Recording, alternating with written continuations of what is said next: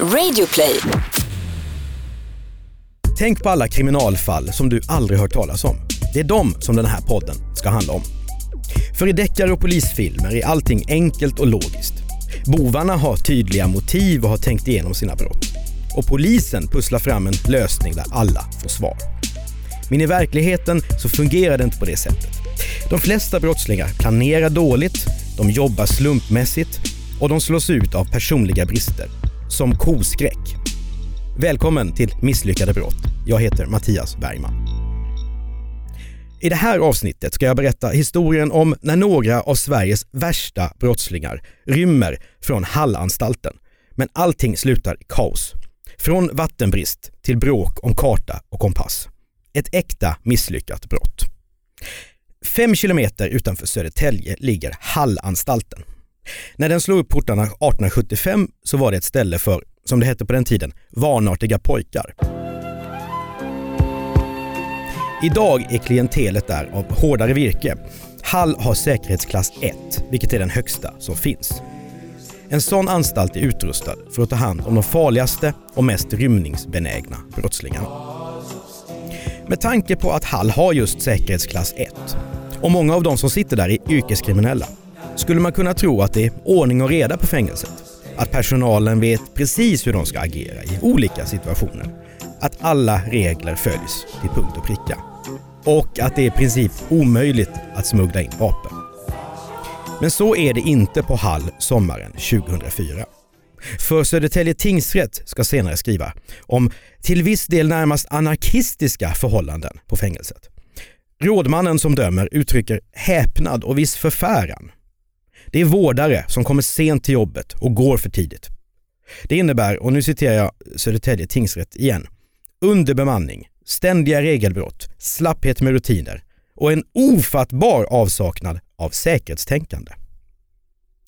Det här ska senare tillbakavisas av fängelsechefen som snarare tycker att problemet är överbemanning. Men de exempel som Södertälje tingsrätt räknar upp är hårresande. Vårdare tar med sig anstaltsnycklar ut från sin arbetsplats på lunchraster. Det kan låta som en bagatell, men det innebär en risk för att nycklarna kopieras och hamnar i fel händer. Besökare till en fånge som av säkerhetsskäl inte har tillstånd till obevakade besök får använda samma toalett som fången utan att någon visiteras eller att toaletten söks igenom. Det händer att isoleringsavdelningen lämnas obemannad från klockan 20.00 utan att någon har kontrollerat att celldörrarna är låsta.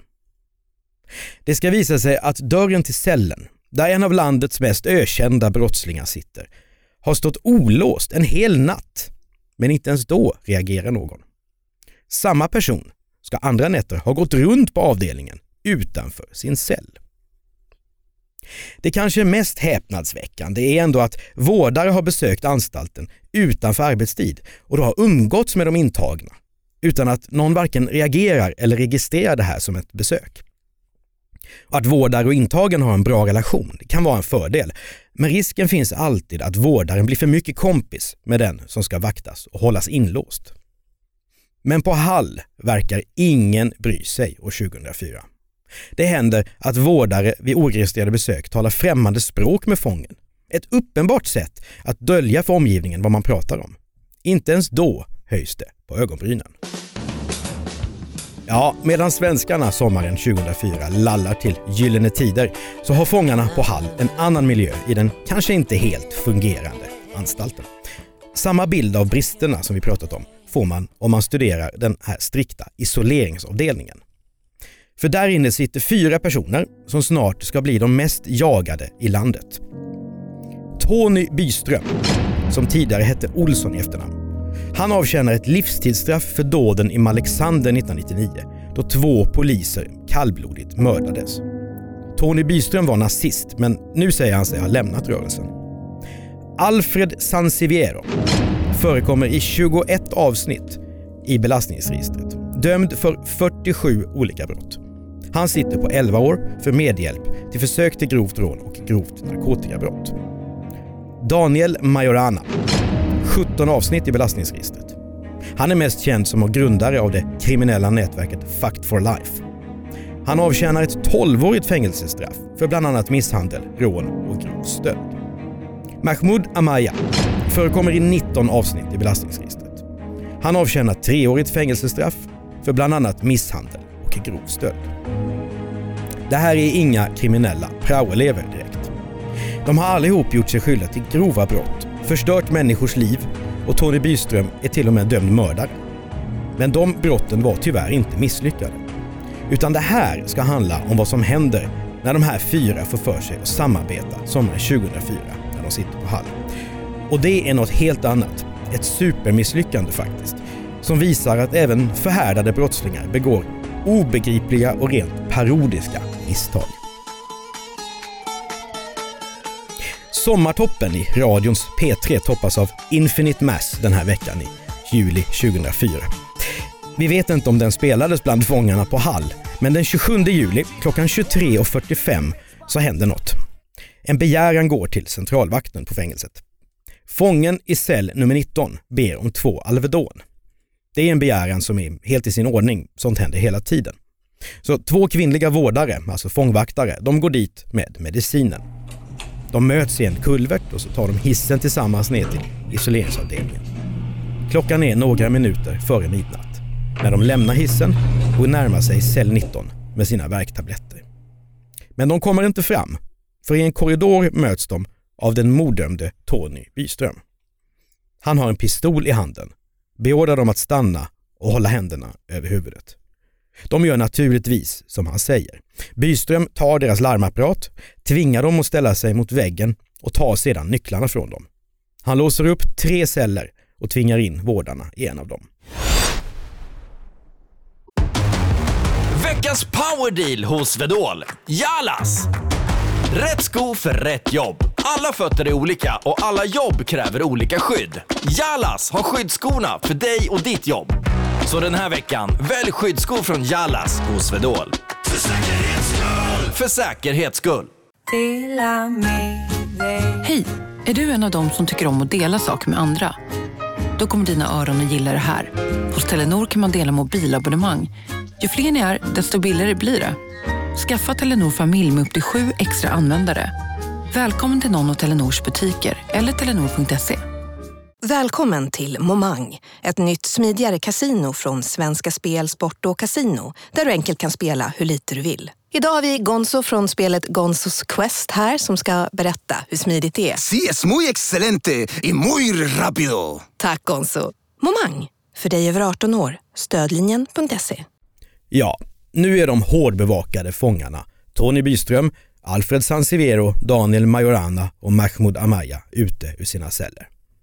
Förutom Byström har också Majorana en pistol i handen, även om det senare visar sig vara en replika, en attrapp. En av vårdarna tvingas följa med fångarna för att låsa upp de dörrar som skiljer isoleringsavdelningen från centralvakten. När Byström och de andra är framme vid centralvaktens besöksrum tar de ett bord och försöker krossa fönstret med det. Men det lyckas inte. Då skjuter Tony Byström några skott mot fönstret. Inte heller det har någon effekt. Så han tvingar vårdaren att öppna den så kallade revolverslussen som leder in till centralvaktens centrum. När de kommer in i det rummet så finns vaktchefen där. Han ligger på golvet och pratar i telefon med polisen. För han har nämligen insett vad som pågår. Inte minst för att en röd Saab i hög fart har kört mot centralvakten. Nu står både bilen och en maskerad person med ett gevärsliknande föremål och väntar utanför fängelset. Tony Byström beordrar vaktchefen att avsluta samtalet. Han sparkar på honom och slår honom i bakhuvudet. Sedan tvingar Byström vakten att öppna en grindsluss som leder ut från fängelset. Och det görs också. För säkerhets skull tar rymmarna med sig den kvinnliga vårdaren. Först när de är framme vid den röda saben så släpps hon. Och fyra av de värsta svenska brottslingarna har just tagit sig ut ur vad som ska vara landets mest rymningssäkra anstalt. Och fram till nu har de fyra rymmarna gjort allting rätt. Ja, ur sitt eget perspektiv alltså. De har lyckats planera fritagningen på ett skickligt sätt. Med hjälp av en insmugglad mobiltelefon har de koordinerat det hela med kumpaner på utsidan. Det är ju de som har fixat fram den här flyktsaben. Och med sina egna mått mätt så har rymmarna inte använt särskilt mycket våld inne på anstalten. De skott som avlossats har varit mot ett fönster och inte en människa. Men det är nu som det svåra börjar. För polisen är redan larmad och på väg ut på jakt. Och det visar sig ganska snabbt att de här fyra rymmarna saknar en vettig plan för vad de nu ska ta sig till i den här friheten. Den röda Saben rivstartar och kör iväg. Några minuter efter att den första polisbilen kommer till Hallanstalten så stannar flyktbilen vid en badplats vid Grindsjön. Och här ska det börja gå snett på riktigt. För rymmarnas mobiltelefoner, det skulle kunna vara till exempel en hypermodern Nokia 6235 med färgskärm och FM-radio. Mobilerna har för dålig täckning, så de kan inte ringa som de hade tänkt. Och flyktbilen måste också lämnas, eftersom polisen vet att de har lämnat Hall i just en röd Saab. Istället springer rymlingarna in i skogen. Och den person som har hämtat dem i bilen, var han tar vägen är okänt. Men i stressen så glömmer rymmarna en 6 liters dunk med vatten som legat i baksätet på bilen. Det är ett ödesdigert misstag. För även om sommaren 2004 hittills har varit ganska sval så börjar det bli varmt. Och inom någon vecka så ska det bli 30 grader här söder om Stockholm. Så när rymmarna springer in i skogen så har de bara lite läsk med sig. Och för att kunna navigera så har de också karta och kompass. Men ingen av de här är någon orienterare direkt. Efteråt så berättar Mahmoud Amaya i förhör att Tony Byström utan framgång tar kommandot. Han hade kompassen och kartan och var skitdålig på att navigera. De andra blev förbannade för att de gick runt i cirklar hela tiden, men han ville inte lämna ifrån sig kompassen. I takt med att timmarna går och de fyra rymlingarna blir allt mer uttorkade och utmattade så växer också osämjan mellan dem. Mahmoud Amaya stör sig på att de andra är smutsiga och luktar illa. Jag hade med mig roll-on och tandborste. Det hade inte de andra, för de är inte lika renliga, säger han i förhör. Hungern kan man till viss del dämpa med blåbär, men törsten är värre. Till slut är de här rymlingarna så desperata att de är beredda att göra nästan vad som helst för att få något att dricka. Så när de ser några kossor i en hage så kommer någon av dem på idén att kossorna ska mjölkas. Men kor kan väga 600-700 kilo och varken Tony Byström, Sansevero, Majorana eller Amaya vet hur man ska hantera en ko. Istället blir de rädda för djuren och lägger ner planen. Men där och då har rymlingarna nog svårt att se någonting komiskt i sin koskräck. De är trötta, hungriga, törstiga och rädda. Nu tvingas de övernatta ute i skogen. Samtidigt undrar nu hela resten av Sverige hur Tony Byström, en av landets mest ökända och avskydda brottslingar, har lyckats smuggla in ett vapen på Hall. Röster höjs i medierna som kräver justitieministern Thomas Bodströms avgång. Din roll, du är den högsta ansvariga. Vad ser du idag att ditt ansvar ligger någonstans i det här? Ja, jag eh, har ju då idag tagit mig direkt till Stockholm. Jag tycker det är en ytterst allvarlig sak. Och mitt ansvar har ju varit att få information från kriminalvården, från polisen, dela det till resten av regeringen och delar av uppgifterna till oppositionen. Men också att jag tagit initiativ till att be den före detta, eller vad säger rikspolischefen Björn Eriksson att kartlägga allt det här som en extern person. Alltså Rapport Morgan Olofsson går hårt åt minister Bodström. Och nu startar en debatt i Sverige om superfängelser. Det är lösa tankar om att Sverige borde bygga anstalter som det är praktiskt taget omöjligt att rymma ifrån. Sådana som finns i USA. Nå, tillbaka till de fyra rymmarna. För när klockan är åtta på morgonen, dagen efter rymningen, så hittar polisen den tomma röda Saben, flyktbilen. Den står vid Grindsjön. Och nu förstår polisen att de här fyra kan inte ha kommit särskilt långt. Men eftersom två av rymmarna har viftat med pistoler på övervakningskamerorna så är polisen tungt beväpnad och tar inga som helst risker. Området söks igenom noggrant med hjälp av hundar, helikoptrar och alla resurser som den svenska polisen kan uppbåda. Kanske inser rymmarna att chansen att de ska klara sig är större om de delar på sig. Eller så blir de osams helt enkelt. Hur som helst så splittras de nu. Och när jakten är inne på sin 18 timme, klockan 17.32, upptäcks Alfred Sansiviero. Det är en skyddsvakt som patrullerar i ett område som tillhör Totalförsvarets forskningsinstitut, FOI, som hittar Sansiviero kring Sorunda. Då trampar han fram på en stulen militärcykel. Han hoppar av den och springer därifrån samtidigt som vakten larmar polisen. Rymmaren försöker gömma sig under en gran men hittas av en polishund. Han ger upp direkt. Jakten går vidare i det här lite Astrid Lindgren-idylliska landskapet med röda stugor och lagårdar. Nästa förmiddag vid tiotiden hittar polisen Mahmoud Amaya. Han är trött, tärd av vätskebrist och ger upp omedelbart. Samma sak med Daniel Majorana, som den nationella insatsstyrkan griper några timmar senare under en bro.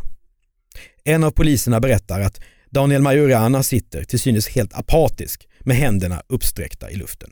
Han är obeväpnad och barfota. Nu återstår den som både polis och allmänhet anser är den farligaste av de fyra rymmarna, Tony Byström. Men det hinner bli torsdag kväll innan det kommer ett bra tips. En kvinna hör av sig och berättar att hon har sett en utmattad man i skogen. Polisen skickar dit nationella insatsstyrkan och helikoptrar men utan att hitta mannen.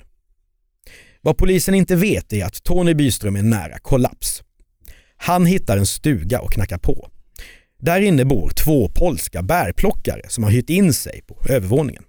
Tony Byström beter sig förvirrat. Han gör konstiga ljud och försöker med hjälp av teckenspråk förklara att han behöver någonstans att sova.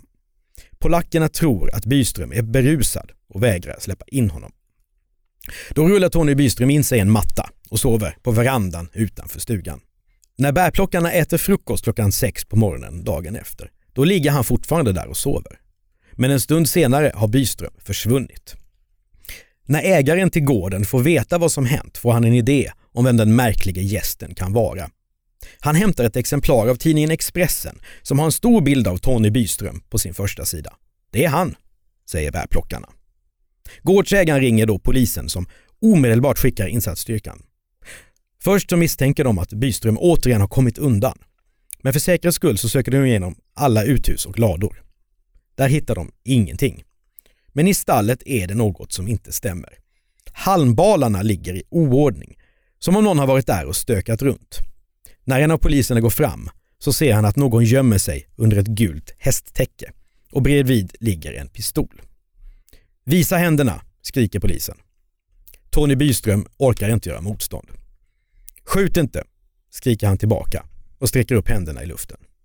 Fler poliser kommer dit, de sätter på Byström handfängsel och så tas en bild som nu har blivit klassisk där den omtöcknade rymlingen är fastlåst bakom ryggen och hålls fast av två poliser. Han tittar rakt in i kameran. I höger mungipa kan man ana lite blod. På sig har Tony Byström kalsonger och en jacka med kriminalvårdens logga på. Bröstet är fullt av hö. Och nu, efter 58 timmar, är jakten på de fyra rymlingarna över. Sverige andas ut, fortsätter fira semester, beställer fruktdrinkar i barerna och sörjer att vi åkte ut på straffar i sommarens fotbolls-EM. Sommaren 2006, alltså två år senare, så döms de här rymmarna för brott och sammanlagt så åtalas 17 personer. För det är många som har hjälpt till att på olika sätt planera och genomföra den här rymningen. Några är vårdare på Hallanstalten till och med. Och de får givetvis sparken efter det som hänt. Kriminalvården avskedar en vårdare vid Halls fångvårdsanstalt som dömts för tjänstefel i samband med bland andra Alexandermördaren Tony Olssons rymning. Trots att det är något av en bedrift att lyckas rymma från ett fängelse som Hall, så blev ändå det här ett totalt misslyckat brott. Tony Byström då? Ja, han avtjänar fortfarande sitt livstidsstraff. Våren 2017 ansökte han om att få ett tidsbestämt straff. Det har han gjort flera gånger tidigare. Men han fick nej. Risken att han ska begå nya brott anses alltför stor. Det finns inget komiskt att hota, slå och sparka personal på ett fängelse för att genomföra en rymning. Men ändå hade det här brottet sina komiska inslag.